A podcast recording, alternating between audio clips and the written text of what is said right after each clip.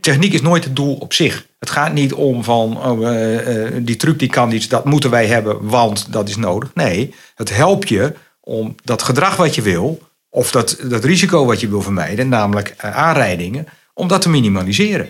Niet iedereen kan de truc starten. We hebben een systeem waarbij je alleen een truc kan starten waarvoor je geautoriseerd bent. En je wordt geautoriseerd afhankelijk van waarvoor je getraind bent. De logistieke sector staat in de top 5 van sectoren met de meeste ongevallen. Kortom, alle reden om het onderwerp veiligheid in het magazijn serieus te nemen. Force Logistics doet dat, onder meer met de pijlers machine en omgeving. De vraag is hoe doen ze dat en wat levert het op? Ik, Peter de Weert, hoofdredacteur Warehouse Totaal, ga in gesprek met Enid Bergval, manager Health and Safety bij Force en Jan Hommes, directeur BNWT. Nou, voordat we de diepte induiken, Enet, is het misschien even goed om te weten waar Force voor staat. Wat doen jullie precies? Hoe is het warehousing kant geregeld? Wat kun je daarover zeggen? Ja. Nou, Force Logistics, dat is de um, bedrijvengroep die valt onder LKQ. Wij zijn een um, logistiek bedrijf in de automotive industry, aftermarket. Dus wij leveren uh, auto-onderdelen, car parts naar garages die uh, dat uiteindelijk weer aan de consument leveren. En hoeveel magazijnen hebben jullie in Nederland? Um, we hebben zes magazijnen op dit moment, uh, waarvan wij teruggaan naar één centraal eh, magazijn in Berkel en Roderijs, waar ik werkzaam ben, en uh, vijf wat kleinere. En wanneer moet dat gebeuren, die centralisatie? In de loop van het komende jaar. Dat geeft, denk ik, uitdagingen op Zeker, zeker. Groei, vooral groei, toename aan mensen, materieel, artikelen in ons centraal distributiecentrum. Oké, okay, zo toename aan, aan, aan, aan verkeersbewegingen? Dus aan mensen, uh, interessante tijd wat dat betreft. Kan me zo voorstellen. Zeker, en daar proberen we ons zo goed eh, als mogelijk op voor te bereiden. De mensen erop voor te bereiden. Uh, het magazijn als zodanig in te richten. Zodat het eigenlijk uh, zonder bijzonderheden over kan gaan. Ja, en, en het magazijn is relatief nieuw. Dat hebben jullie ook met dat doel ook gebouwd. Vanwege die, die centralisatie. Dus je hebt ruimte genoeg. Ja, nou, dat is relatief natuurlijk. Je hebt altijd ruimte tekort. Precies. maar uh, het is wel gebouwd met het doel om, uh, om als centraal distributiecentrum in Nederland uh, te fungeren. Even tot slot voor het beeld. Hoe groot is het magazijn en hoeveel trucks rijden er rond ongeveer? Het magazijn is 50.000 vierkante meter groot, dus dat is aardig wat. En ja, qua trucks aan tientallen, we zitten denk ik rond de 50, 50 op dit moment. En hoeveel mensen werken er? Op dit moment ongeveer 120. En dat kan zich nog eh, gaan uitbreiden um, met denk ik een 30, eh, 40 procent erbij. Oké. Nou, uh, veiligheid heeft meerdere pijlers, hè Jan. Jullie hebben dat bij BMT uh, gestaafd onder mens, of sorry, onder, onder machine en omgeving. Daar praten we nu over. wat zijn jou, voor, voor, jou de belangrijkste nou ja, punten op dat gebied waar, waar een bedrijf zich aan moet? Nou ja, de, de twee, hè, er zijn vier pijlers waarvan uh, dus machine en omgeving uh, de twee aan de harde kant eigenlijk zijn. Hè, van, dat bepaalt heel sterk natuurlijk je fysieke omgeving. Waarbij onze redenering is, ja, die omgeving moet wel intrinsiek veilig zijn. Die machine moet wel technisch veilig zijn. Want anders kun je per definitie geen veilig gedrag uh, op de werkvloer gaan realiseren. Zie je dat ook zo, Enid?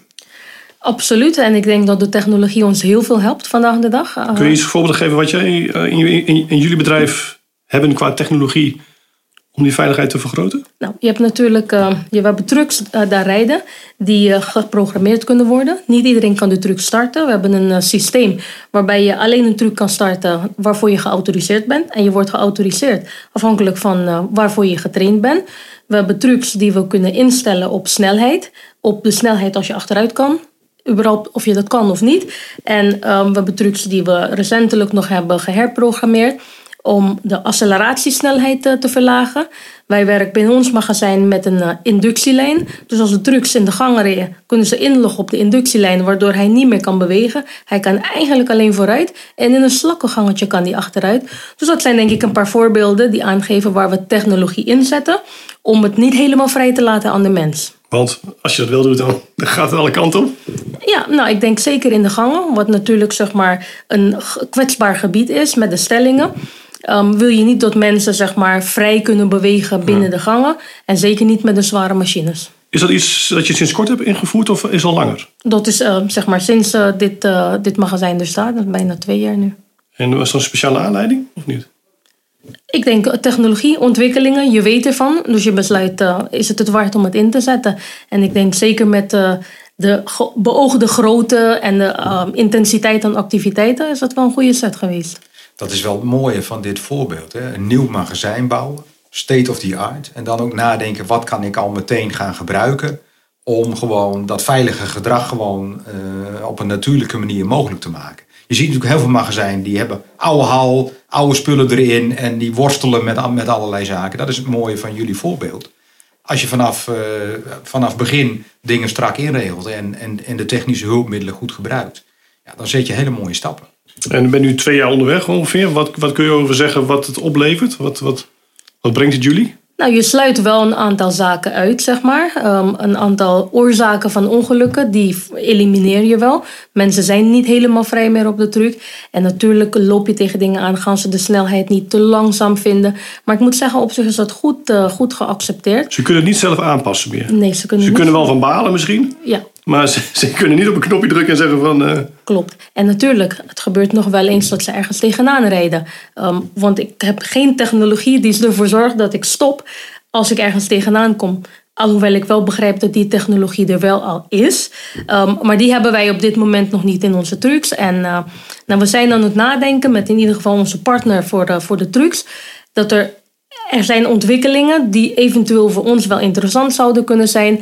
En dan, dan praten we over systemen die ervoor zorgen dat je gaat afremmen als je ergens tegenaan komt. Of als je tegen een voetganger aankomt. Maar die zijn nu nog een beetje in de testfase. Maar mogelijk is dat interessant voor ons. Zijn die systemen die al op de markt zijn? Of zijn die systemen die nog echt ontwikkeld moeten worden? Um, ik weet dat er systemen zijn die al op de markt zijn. En ik weet dat er in ontwikkeling zijn. En we zijn eigenlijk nu naar eentje aan het kijken die in de testfase is. En kijken hoe, hoe komt dat eruit en gaat het passend voor ons zijn.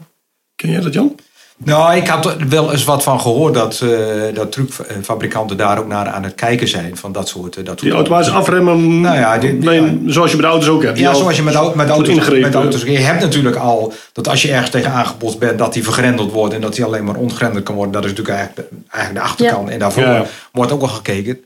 Tegelijkertijd is het wel weer zo met dat soort systemen. Dat, dat zie je met auto's ook. Het is natuurlijk best wel complex om het goed te doen. En je moet ook je afvragen, als je dat op je truck hebt, leidt dat niet tot ongewenste situaties in de zin van dat er toch plotseling iets voorvalt en dat die truck ineens op de rem gaat, waardoor je weer allerlei andere ja, dingen. Ja, ja, dus je moet dan wel goed, je moet ook weer goed kijken van helpt het ons, welke situatie.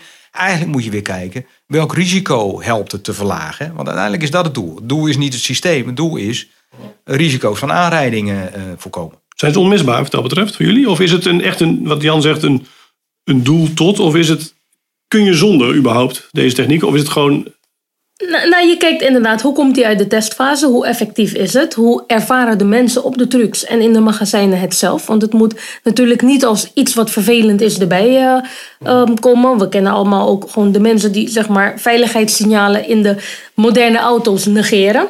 Want we hebben eerder gedacht over een, of gekeken naar een systeem waarbij er zegt een trilling, uh, dat de, de, bestuurders hebben een trilling, hebben een, een sensor op hun uh, schouder, de, de, de, voetgangers ook. En dat er een soort van trilling is als je in de buurt van een, uh, een truck bent. Maar ik denk dat mensen dat uiteindelijk gaan negeren. Want er is zo'n grote verkeersintensiteit. Want dan blijft hij trillen of zo. Dat trilt hij uit. Dat, dat lijkt mij. Dat, dat, ja, ja. zeg maar, we hebben dat niet getest. Maar ik weet dat het bestaat. Dat heb ik één keer uh, vorig jaar op een veiligheidsbeurs gezien. Maar ik denk met de verkeersintensiteit dat hij te veel gaat trillen. Ja, en als dat gebeurt, dan gaan mensen het negeren. Is mijn angst. Maar zulke technieken die je nu zegt, hè, neem je die in overleg met de mensen? Is, is, ben jij leidend? Hoe, hoe, hoe werkt dat soort dingen eigenlijk? Nou, het wordt je vaak ook zeg maar, gebracht door toeleveranciers ervan. Die, die willen dat verkopen. Nou, dan ga je dat eerst intern bespreken van zien we er wat in. Um, we hebben nog niks zelf getest. We weten nu van eentje dat die in de testfase is. En we hebben gezegd wanneer die al geïmplementeerd is ergens, gaan we een keer kijken, praten met de mensen. Maar ik vind het erg belangrijk om wel samen met de mensen te kijken hoe bevalt het? Hoe vind je het werk, werken? Om een voorbeeld te geven, wij hebben vorig jaar hebben wij eigenlijk alle meshes verbannen uit ons magazijn. En we hebben drie typen veiligheidsmeshes hebben wij geïmplementeerd en toegestaan. Maar ik ben op drie gekomen omdat we eerst met één zijn begonnen. Vervolgens kreeg ik feedback van hey, ik kan dit niet met dat mesje of dit mesje werkt niet. Nou, dan kom je met nummer twee, want ik wil je wel tegemoet komen. Uiteindelijk moet jij je werk kunnen doen. En toen zijn we geëindigd bij drie en nu hebben we al een paar maanden geen klachten meer, want alles wat er gedaan moet worden kan met die drie mesjes en de mensen hebben ermee leren werken. Dus die feedback is uitermate belangrijk. Ja, ja de mensen zijn dan toch, daar komen we later nog op een andere podcast op terug, maar die mensen zijn dan toch, die moeten mee kunnen werken en, en, en willen werken. Kijk, techniek ehm, kan heel veel, maar moet een hulpmiddel zijn. Techniek, techniek is nooit het doel op zich. Het gaat niet om van oh, eh, eh, die truc die kan iets, dat moeten wij hebben, want dat is nodig. Nee, het helpt je om dat gedrag wat je wil, of dat, dat risico wat je wil vermijden, namelijk eh, aanrijdingen, om dat te minimaliseren. En als er een, een technische oplossing is die op papier wel leuk lijkt, maar in de praktijk tegengesteld effect heeft omdat mensen het gaan negeren. Nou, een beroemd voorbeeld is de bluespot. Met heel veel trucs in een magazijn worden de bluespots, ja ik zeg wel, dan wordt het een kermis. Waardoor het effect van de bluespot teniet wordt gedaan. Ja. Ken je dat? Ja, zeker. We hebben ook bluespots op onze trucs. Kan het een snel kermis worden? Bij ons is het zeker nog geen kermis. Ik ben er nog blij mee. En ik heb eigenlijk tot nu toe nog niemand horen klagen over die bluespot. Oké. Nou, als, als, het, als, als het goed werkt, dan werkt het goed, toch? Zo werkt het, ja. een, Ja, maar je hebt wel eens en bluespot Ja, ja. en toeteren. En dus dan is het... Tegenwoordig heb je van die, van die, van die Ja. legjes om, Ja, nee, eh, maar precies. trucs heen, toch? Maar ook daar zie je weer, je ziet, techniek schrijdt voort en techniek moet dienstig zijn. Het is precies wat, wat, wat Dene zegt, gewoon kijken van, helpt het mij? Nou, en als het niet meer helpt, dan moet je nadenken over iets anders. U luistert naar een podcast over veiligheid in het warehouse van BMWT en Warehouse Totaal. Over iets anders gesproken. De inrichting van een DC, het verkeersplan. Minstens zo belangrijk natuurlijk. Hoe is dat bij jullie geregeld? Nou, ehm, dat is op dit moment nog wat dynamisch bij ons, omdat het een vrij eh, nieuw magazijn is. Dat betekent? Dus ehm, we zijn over bepaalde dingen nog aan het nadenken. We hebben hoofdrijpaden, we hebben looppaden hebben we vastgesteld. We hebben waar mogelijk hebben we de looppaden hebben wij afgeschermd met aanrijbeveiliging. Maar dat is uiteraard niet werkbaar om dat overal eh, voor elkaar te krijgen. Wij werken met markeringen op de vloer. Ehm, we hebben de, de stellingen hebben we beschermd. Er zijn re- verkeersregels. Die worden niet altijd opge- ehm, uitgevoerd zoals ik dat graag zou willen. Maar ze zijn er, ze zijn bekend en mensen worden er wel regelmatig op aangesproken. En dan hoop je uiteindelijk toch dat je gaat zien dat men steeds meer gaat conformeren aan de regels die er wel zijn. Ja, Jan, een verkeersplan is natuurlijk essentieel voor een magazijn. Ik bedoel, in, dat hebben we buiten in, op de weg, maar natuurlijk ook in het magazijn. Eh, later komen we nog even op het deel van hè, hè, aan conformeren aan zo'n plan, hè, het stukje gedrag.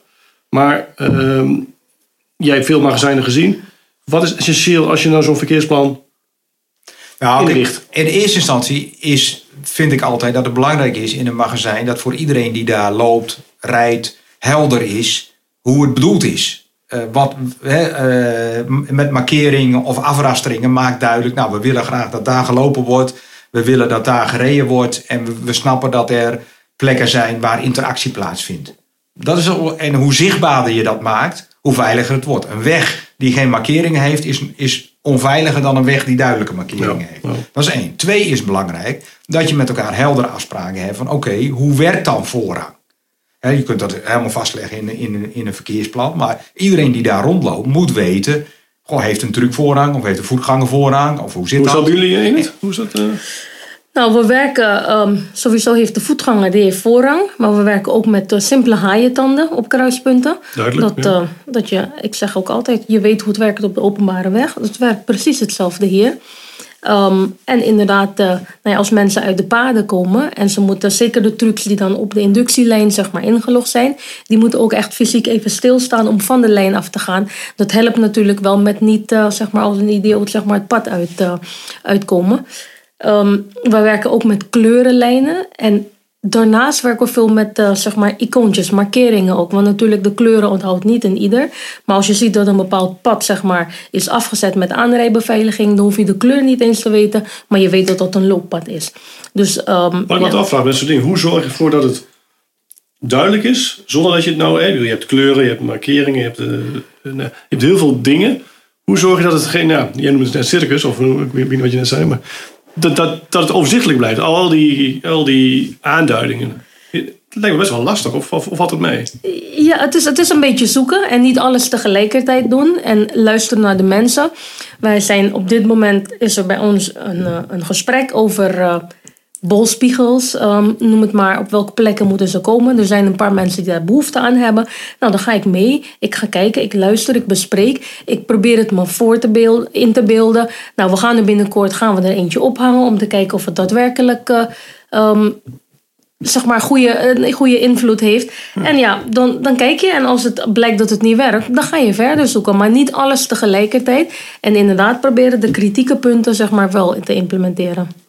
Ja, het is met die markeringen net als op een vliegveld. Als dat, is best wel lastig als het ja, dat is ook zo, omdat er heel veel is. Maar als het goed is, is het heel logisch. Dan weet je, oh, dat bord. Weet je, en, dat, en ik denk dat dat in essentie belangrijk is. En je zegt het ook heel mooi gewoon goed kijken van goh, wat werkt er in de praktijk. Durf ook te testen in de praktijk. En wat je, wat je nog wel eens ziet bij bedrijven is, nou ja, we hebben iets uitgezocht, we hebben het bedacht, we hebben het geïmplementeerd. Het moet dus en dat moet dus ook werken, want ja, daar hebben we goed over nagedacht. Terwijl het, ik vind dat een mooi voorbeeld, we hangen eerst eens één bolspiegel op. Dan gaan we daar eens even ervaringen mee opdoen. En dan kijken we of het verder nog nodig is. In plaats van, nou, we hebben het hele magazijn volgehangen. Want we hadden besloten dat het belangrijk was. En vervolgens zit iedereen, nou ja, we hebben er niet zoveel aan. Gebruik je verstand.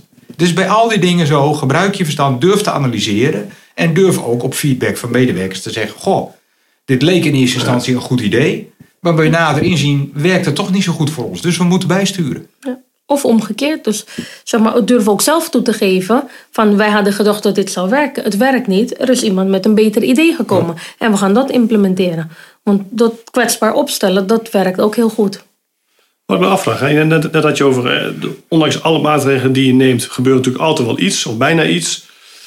Um, hoe zorg je, of wat, wat doe je met, met uh, incidenten waar medewerkers bij betrokken zijn? Hoe, hoe, hoe wordt dat afgehandeld door jullie? Nou, we hebben een uh, incidentenregistratiesysteem. Er is een, uh, er is een formuliertje. Daar moeten eigenlijk de, de supervisors, die moeten daar de uh, onveilige situaties, de schades, de incidenten, die geven ze zeg maar, die registreren ze op het formuliertje. Dat wordt uiteindelijk naar mij toegestuurd, waarbij er analyses worden gedaan. Ik stel vragen. We zijn... Dus de medewerker wordt er ook ondervraagd op het moment van, joh, wat is er gebeurd en hoe leg jouw kant van het verhaal uit? Ja, dat uh, wordt nog niet heel structureel en altijd op die manier gedaan. We zijn op dit moment ook een beetje aan het nadenken hoe we dat kunnen verbeteren. En bij welke incidenten doe je wel, wel onderzoek en bij welke niet. Eigenlijk is het nu een beetje op gevoel. Als ik denk, hey, dit is een ernstig incident, dan zeggen we van, kon ik met die jongen praten of die mevrouw praten? Ja, ja. En dan gaan we dat verder onderzoeken. Maar we zijn nu aan het zeg maar, nadenken over hoe we dat iets meer structuur kunnen geven. Dat je bij een bepaald type incident verplicht bent een onderzoek te doen. En bij bepaalde type, hoe kan je met een korte vragenlijst volstaan. Ja, dat is een beetje meer, meer, meer nog mensengedrag bijna eigenlijk. Hè? Het is een beetje nou ja, het punt van... Hij, hij zit wel mooi op het scheidslijn. Maar ook daar is natuurlijk... Er zijn allerlei systemen voor, voor registratie van incidenten, neermissers en allemaal dat soort zaken. Dat kun je ook wel een beetje hardware noemen. Hè? Van, nou, er zijn ook wel bedrijven die we hebben dat heel strak uh, ingeregeld en we hebben daar een systeem voor. Maar uiteindelijk gaat het met al die dingen weer. Hoe gebruik je het systeem en hoe nuttig is het systeem om datgene wat je wil, namelijk een heldere rapportage over wat is er gebeurd en wat kunnen we daarvan leren, voor elkaar krijgen. Net als met die, met die technische toeters en bellen uh, aan je heftruck. Ja, je kunt er van alles aanhangen, maar of het je helpt, ja. is maar de vraag. ja. Tot slot, Enid. Um, heb jij tips voor warehouse managers, operational managers, safety managers die hier naar luisteren en ook nou ja, ermee aan de slag zijn of mee aan de slag willen op het gebied van machine en de omgeving? Ja, ik denk dat het belangrijk is dat wij um, de technologie gebruiken, om zoveel mogelijk inzetten, maar dat we niet moeten vergeten dat de factor mens bepaalt of die technologie daadwerkelijk voor ons werkt. Mooi. Ja. Oké, okay, dankjewel. Ik kan me daar overigens alleen maar bij aansluiten, bij die tip hoor. Nou, dan bij deze staat er geregistreerd. Dankjewel. Dank je. Bedankt voor het luisteren naar deze podcast. Meer podcasts zijn te beluisteren via de website www.weerhoustetaal.nl en via Spotify.